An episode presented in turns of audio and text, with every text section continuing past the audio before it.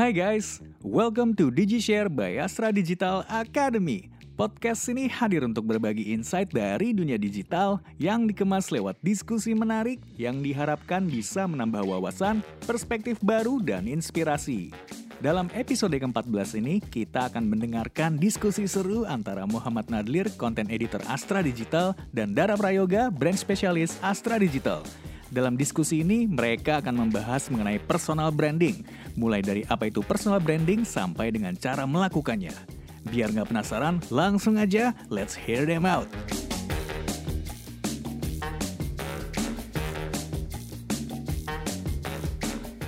Halo, welcome back to DigiShare, podcast by Astra Digital Academy. Kali ini kita akan bahas mengenai uh, personal branding, kenapa penting dan harus dilakukan di era saat ini. Gue Nadlir, konten uh, editor Astra Digital, dan kita hari ini akan ngobrol dengan Dara Prayoga, branding spesialis Astra Digital. Seperti apa? Halo. Gitu. Oke, oke udah sampaikan langsung ini ya, langsung nyaut ya. Iya dong, semangat. Oke oke. Jadi ini yang jadi pertanyaan gue adalah kenapa nama lo Dara Prayoga tapi dipanggilnya Oka ya kak? Hmm, kayaknya ini akhirnya menjadi part of personal branding gue pada akhirnya ya. Jadi awalnya hmm. mungkin dulu lagi zaman waktu waktu gue kecil tuh lagi zaman zamannya tuh Pak Oga. Hmm, Jadi okay. orang tua gue juga jadinya reluctant untuk manggil Oga gitu sebagai panggilan. Dan mungkin gue juga waktu itu sebagai balita diminta siapa nama kamu Oga Oga akhirnya jadi Oka mungkin ya. Jadi ya ya udah sampai akhirnya udah gede ya gue ngerasa dibilang dipanggil Oka ditanya Oka antara bukan ya? Oka antara tiada. Hmm. ada dan tiada. Oka antara ada dan tiada. Jadi sebenarnya personal branding itu sudah mendarah daging ya dari lo sejak kecil kali. Ya itu hanya sebagian kecil aja sih tapi nanti kita bahas uh, versi hmm. lebih lengkapnya. Oke okay, um, sebelum kita bahas gue boleh tahu dulu nggak sih sebenarnya lo itu memulai dari apa sih kak sampai sekarang itu bisa aja bisa ada di posisi sebagai brand spesialis lo memulai dari mana sih perjalanan karir lo? Lumayan mencelok-mencelok tapi sebenarnya ada benang merahnya. Gue memulai dari jurnalis, jurnalis majalah. Waktu Baru itu, tahu ya jurnalis majalah online, majalah online. Mayoritas covering story-nya tuh lebih lifestyle sih, lifestyle, hmm. artis gitu gitulah. Setelah itu pindah ke majalah online tapi versi anak muda gitu. Jadi ngebahas segala sesuatu yang ringan lah. Dari hmm. situ mulai ngedevelop aset sendiri aset sendiri itu sosial media sendiri gitu.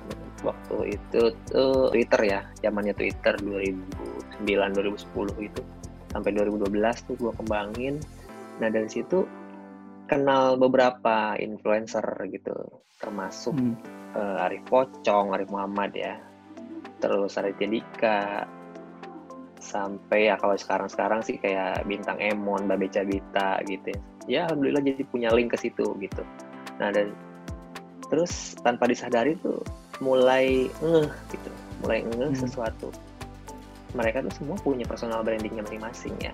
Hmm, oke. Okay. Hmm. Ya sederhananya personal branding tuh satu kata atau beberapa kata yang terlintas saat lo melihat atau saat lo menilai sesuatu atau seseorang hmm, okay. aja sih simple gitu aja kayak misalnya Panto Raditya Dika lu uh, personal menurut lu Raditya Dika tuh gimana lucu lucu lucu garing misalkan humoris tapi hmm, romantis Iya, hmm, misalkan kayak gitu. Itu kan personal branding dia pada akhirnya. Dan dia elaborate itu jadi konten-konten. Jadi jadi segala sesuatu aktivitas dia di di internet terutama ya. Sehingga hmm, okay audiens atau netizen itu mengenalnya seperti itu. Dari cerita lo, kenapa sih kemudian orang harus melakukan personal branding? Ketika ketika dulu di tahun itu 2010 hmm. awal gitu, kemudian lo sampai akhirnya memutuskan, oke, okay, gue harus terjun gue harus istilahnya apa ya, merombak gitu citra diri lo atau atau apalah itu yeah. lo menyebutnya itu. Kenapa lo harus, kenapa orang harus melakukan itu? ya, sederhananya sih nggak harus nggak cuma harus uh, influencer ya bahkan orang biasa pun perlu personal branding. Kenapa karena ada manfaatnya. Satu diingat orang itu akan ingat ketika lu punya personal branding yang jelas. Ya kan? Kita cek aja teman-teman kita deh ya. Teman-teman kita. Yang kita ingat tuh pasti yang punya kesan jelas. Branding itu balik lagi ke kesan ya feeling apa yang kita rasain kita pasti ingat teman kita yang punya kesan jelas yang bandel yang paling kasus misalkan atau yang paling lucu misalnya atau yang paling cantik atau yang paling playboy kan? Hmm. nah itu semua personal branding yang jelas. Dan kita perhatiin teman-teman kita pasti ada juga yang kita ingat tapi nggak nggak berkesan apa-apa gitu loh. Hmm. kayak hambar banget ya. Nah itulah. Itu adalah salah satu personal branding yang tidak sukses lah bisa dibilang tapi kurang oh, okay. sukses gitu. Tapi apakah selalu bawa personal branding ini positif? Bisa jadi orang pengen dikenal karena mungkin karena kenakalannya yes. dan sebagainya. Bisa jadi gitu. Makanya balik lagi ke orangnya atau balik lagi ke orangnya niatnya apa tujuannya apa. Hmm. contoh kalau influencer kan tujuannya untuk bisnis ujung-ujungnya kan. Untuk engage sama konten sama ketika personal brandingnya kuat. Jadi brand yang mau nempel tuh gak bingung. Hmm, oke. Okay. contoh misalkan Melki Bajai atau Ringo sekarang kan personal brandingnya mereka udah keluarga banget bapak-bapak hmm. banget yang tetap hmm. ada sisi humorisnya ya kan jadi hmm. brand tuh gak bingung misalkan ada anggaplah satu brand deterjen iklan dia baru bikin iklan lucu gitu oh gue mau amplify nih iklan gue yang lucu gue butuh family man lucu tek langsung kepikiran Melky Ringo hmm, gitu oke okay. nah Jadi, kalau kita ngomongin hmm. ngomongin diri cerita lo gitu 2012 lo akhirnya memulai itu hmm. oke okay, gue harus sampai itu lah yang melakukan personal branding lah gitu. Nah sebenarnya dari awal itu emang lo tahu caranya seperti apa? Oh enggak. Enggak enggak tahu. Personal branding itu kan sebaiknya yang jujur ya. Yang hmm. jujur tapi juga yang positif. Lebih bagus gitu kan. Nah, jadi simpelnya adalah lu asah bagian dari lu yang paling kuat gitu. Hmm. itu paling okay. paling gampang gitu ya paling gampang. Misalkan ya kalau paling gampang lu punya suara merdu ya udah lu asah dulu tuh suara lu merdu. Nah tinggal tambahin oh ternyata lu selain suara lu merdu lu uh, orangnya galau gitu misalkan. Oh berarti lu akan ngecover lagu-lagu yang liriknya tuh menyayat-nyayat hati terus lu bikin musikalisasi puisinya misalkan. Nah, itu jadi manuver-manuver atau apa pun yang lo lakukan yang lo lakukan jadinya back to personal branding yang lo inginkan. Oh gue pengen dikenal sebagai penyanyi yang galau parah gitu misalkan. Artinya kan itu semua butuh proses ya dan dan prosesnya tidak mm -hmm. tidak sebentar kan? Tidak tidak sebentar nggak ada. Jadi gini personal branding itu resepnya itu ada tiga. Satu hmm. konten. Okay. konten itu berarti kan tingkah laku kita apa yang mau kita tonjolin apa yang mau kita perlihatkan terhadap netizen atau masyarakat gitu ya. Dua, konsistensi. Nah itu makanya oh, okay. tidak bisa, nggak bisa tuh kalau nggak konsisten, nggak akan nempel brandingnya. Tuh perhati hmm. aja, semua yang kita paling contoh paling gampang nih pemain bola ya, pemain bola. Ronaldo kan, Cristiano Ronaldo kan personal brandingnya tuh dia super pede, super oh ya dia akan take on any challenges gitu ya. Terus ada yang kritik dia dia jawab dengan tendangan balik misalkan. Itulah brandingnya Ronaldo tuh segitu relentlessnya sehingga brand-brand yang nempel dia jadi jelas pengennya apa. Oh gue pengen personal yang kuat gitu ya. Contoh ya brand sampo kan akhirnya nempel ke dia. Karena sampo tuh kan identik sama aktif gitu gitulah terus hmm. selain tadi kan konten konsisten baru tercipta karakter pada akhirnya 3C 3C mm -mm. konten konsisten jadilah karakter kalau nggak punya konten ya nggak bisa bikin personal branding nggak punya iya. ide untuk bertingkah laku ya kalau nggak konsisten ya orang juga bingung mau mempersip lu sebagai apa artinya tiga hal iya. lainnya atau tiga resep ini yang menurut lo tiga C ini itu mm-hmm. membedakan lu dengan orang lain ya yang yang mungkin orang bisa melakukan yeah. personal branding ya tapi kemudian yeah. by proses hmm. kemudian ujungnya tidak semuanya akan berhasil hmm. gitu iya kayak mencari jati diri lah hitungannya kan kayak gitu kan mencari jati diri itu kadang kita salah dulu kan kita ke sini ya ternyata nggak enak atau hasilnya nggak bagus kita ubah dikit kita ubah. yang penting tuh sesuai apa jujur sesuai apa yang kita paling sukai dan paling kita paling kuat di aspek itu kayak Greta Thunberg yang hmm, dapat hmm, okay. itu kan. Hmm. itu dia kontennya adalah aktivis. Dia pokoknya sadar akan lingkungan cinta lingkungan. Jadi dia selalu take on semua yang uh, mengancam lingkungan. Kedua hmm. dia melakukan itu secara konsisten. Gitu secara konsisten sampai ke tahap-tahap yang udah levelnya ekstrim yang dia sampai naik kapal itu ke hmm. Amerika atau ke Eropa gitu ya. Iya setiap kali dia Akhirnya, datang ke, nah, ke suatu konvensi. Iya datang setiap konvensi datangnya pakai itu akhirnya ketika konten dan konsisten dia karakternya jadi kuat akhirnya dia dapat lah penghargaan person of the year-nya Time hmm. magazine gitu jadi itu tuh akan terbayar dengan sendirinya sebenarnya oke okay. nah selama melakukan proses itu kita pasti nemuin masalah kan mulai dari mungkin hmm. ada blunder yang kemudian bikin uh, branding branding kita itu menjadi hmm. gagal atau kemudian justru negatif jauh lebih negatif daripada hmm. sisi sisi branding positif yang mau kita tunjukin yeah. ke orang itu.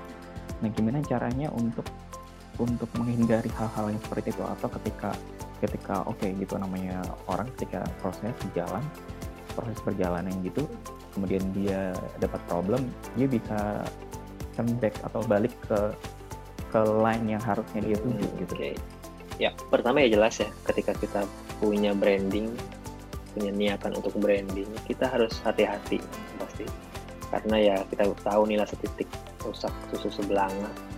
Jadi ya kalau kita udah punya niat branding ke arah contoh lah anggaplah ke niatan branding ke anak soleh gitu.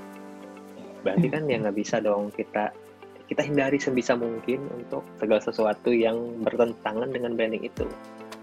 Atau tuh harus pakai peci kemudian celana, celana yang paling penting kita avoid dulu yang harming the image anak soleh tadi.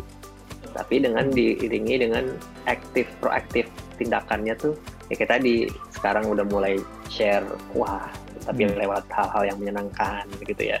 Kan banyak cara ya ada yang lewat komik ada yang lewat uh, postingan ada yang lewat lagu bahkan kan. Jadi itu bisa dilakukan gitu. tapi jangan lupa avoid juga sesuatu yang bisa menghancurkan brand itu karena brand itu kan kayak gedung ya lu udah hmm. tinggi hmm. udah bangun lu hancurinnya bisa gampang banget kayak Lego itu hmm, okay. nah tapi kalaupun ada sesuatu yang pada akhirnya mengancam branding kita kan kita bikin kesalahan ya nah itu sebenarnya ada bab baru lagi crisis handling gitulah kan uh, crisis handling itu pada dasarnya adalah kalau benar kita terima kalau benar kita lakukan ya kita kita hmm. admit kita minta maaf ya kita ya, tidak mengulangi lagi paling standarnya itu okay. masih bisa ada kemungkinan orang masih mau terima.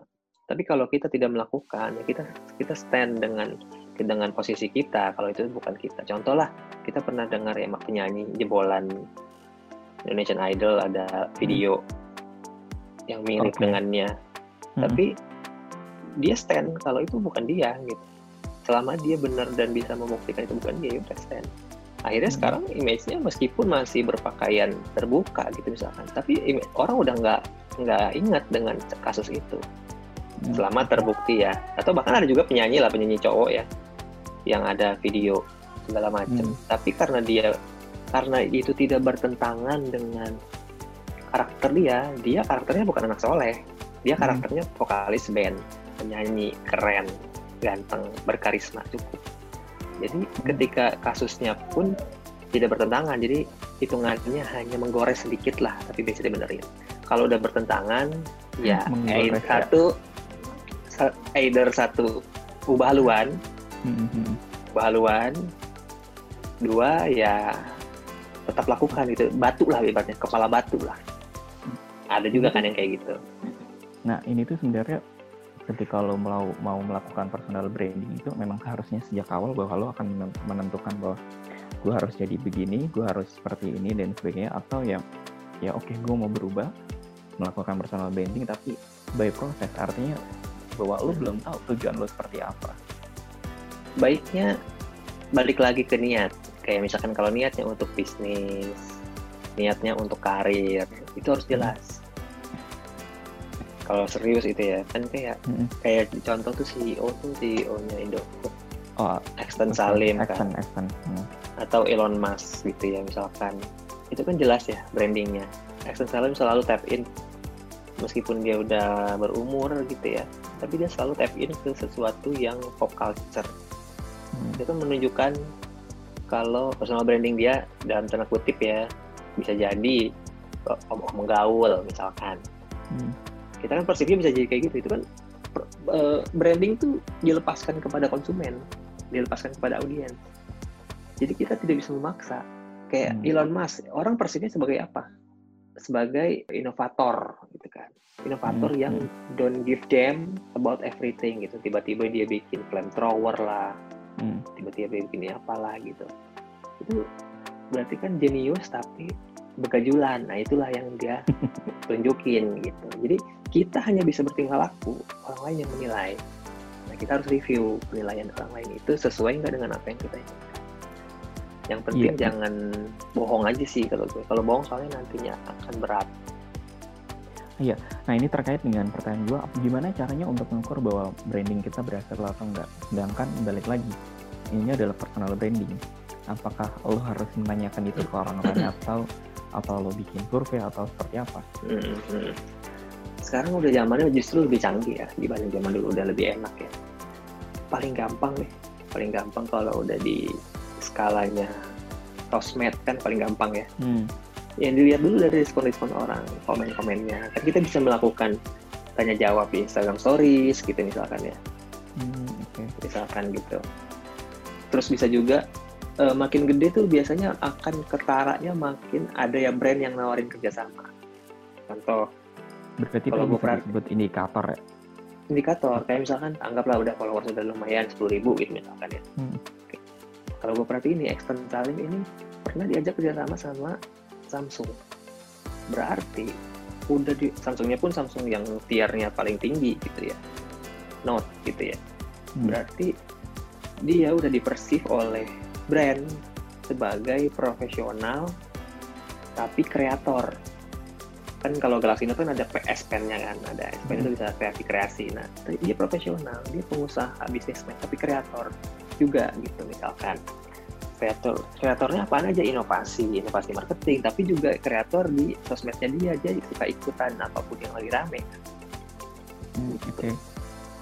nah kalau misalkan nah, ini... versi gue gue setelah menikah dan punya anak itu banyak ada ada ada request tuh kayak misalkan bikin dong so, thread soal menikah muda gitu kan terus thread soal atau ada brand yang masuk itu udah mulai susu gitu. Jadi kan gue udah mulai hmm. personal branding gue udah udah shifting ke lebih ke family ya. Pasangan gitu muda, ya. family gitu, yang family. Family, parenting, masuk-masuk mm -mm, ke sana. Mm -mm, kayak gitu. Nah kalau kita ngomongin tadi soal medium ya, um, medium paling mudah itu adalah medsos saat, saat ini ya gitu. Nah tapi kalau gitu apakah orang itu ketika ingin melakukan personal branding itu mereka masih butuh modal nggak sih? Karena ya balik lagi medium sudah ada nih, kemudian kemauan yang balik lagi kalau nah apakah mereka butuh modal? Apakah yang tadi kayak misalnya hmm. yang yang kita ngomongin soal citra anak baik, anak sekolah gitu kan, apakah butuh outfit? Outfit dengan outfit itu balik lagi butuh modal. Hmm. Uh, by the way, ya kadang begitu ketika sebenarnya kalau modal ya ya udah pasti ya semua progres butuh modal mau itu apa pun itu mau branding kayak mau marketing kayak mau jualan kan butuh modal gitu ya. tapi modalnya modal apa macam-macam balik lagi ke hmm. branding apa gitu kayak misalkan kalau lu brandingnya mau jadi selebgram ya jelas modal keluar ongkos hmm, okay. buat traveling atau ke tempat kafe yang bagus ke tempat wisata foto yang bagus filter bahkan aplikasi buat ngedit aja kadang-kadang bisa jadi ada yang bayar langganan hmm. baju itu kan itu jelas gitu hmm, oke okay. nah kita ngomongin yang lain sebenarnya personal branding itu lo sepakat nggak sih kalau dibilang bahwa tidak menjadi diri sendiri artinya bahwa ada tuntutan sosial yang mengharuskan bahwa wah gue nggak bisa nih kalau kayak gini terus gitu jadi gue harus berubah gitu okay. seiring dengan misal kayak ya kondisinya memang lingkungan lo kanan kiri lo seperti itu dan mengharuskan lo ya mau ikut dengan mereka sehingga lo menetapkan diri yang sama dengan melakukan personal branding Nah, apa kalau setuju yang tadi gue bilang bahwa personal branding itu tidak menjadi diri sendiri? Yes and no. Jadi gini, personal branding ketika lo trying too hard, itu lo tidak menjadi diri sendiri. Hmm.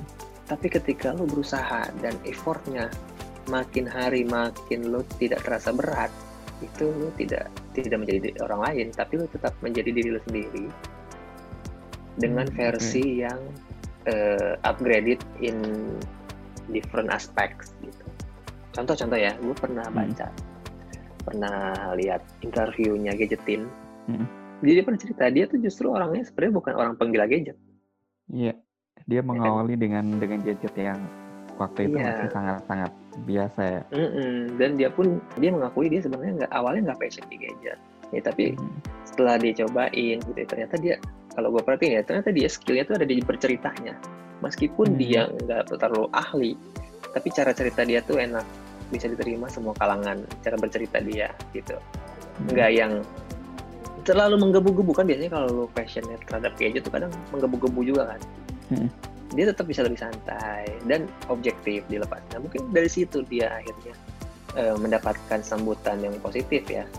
Hmm. nah ketika udah mendapatkan manfaat ya mungkin akhirnya diasah gitu pengetahuannya. Oh ternyata di sini ada pasarnya ya.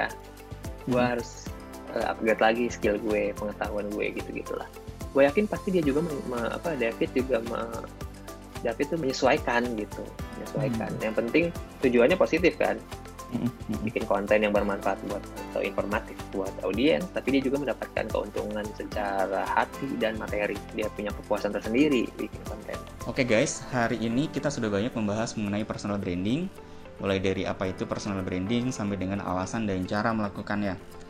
Nah di next episode masih bareng gue dan Oka, kita akan lanjut diskusi tentang personal branding serta membahas lebih banyak mengenai company branding. Nah, semoga podcast ini bisa bermanfaat buat kalian. Jangan lupa untuk share podcast Astra Digital Academy ke teman-teman kalian. Follow juga akun sosial media kami, Instagram dan YouTube Live at Astra Digital, serta website kami di astradigital.id untuk menikmati konten-konten informatif lainnya. Jadi pastikan kalian tetap stay tune ya.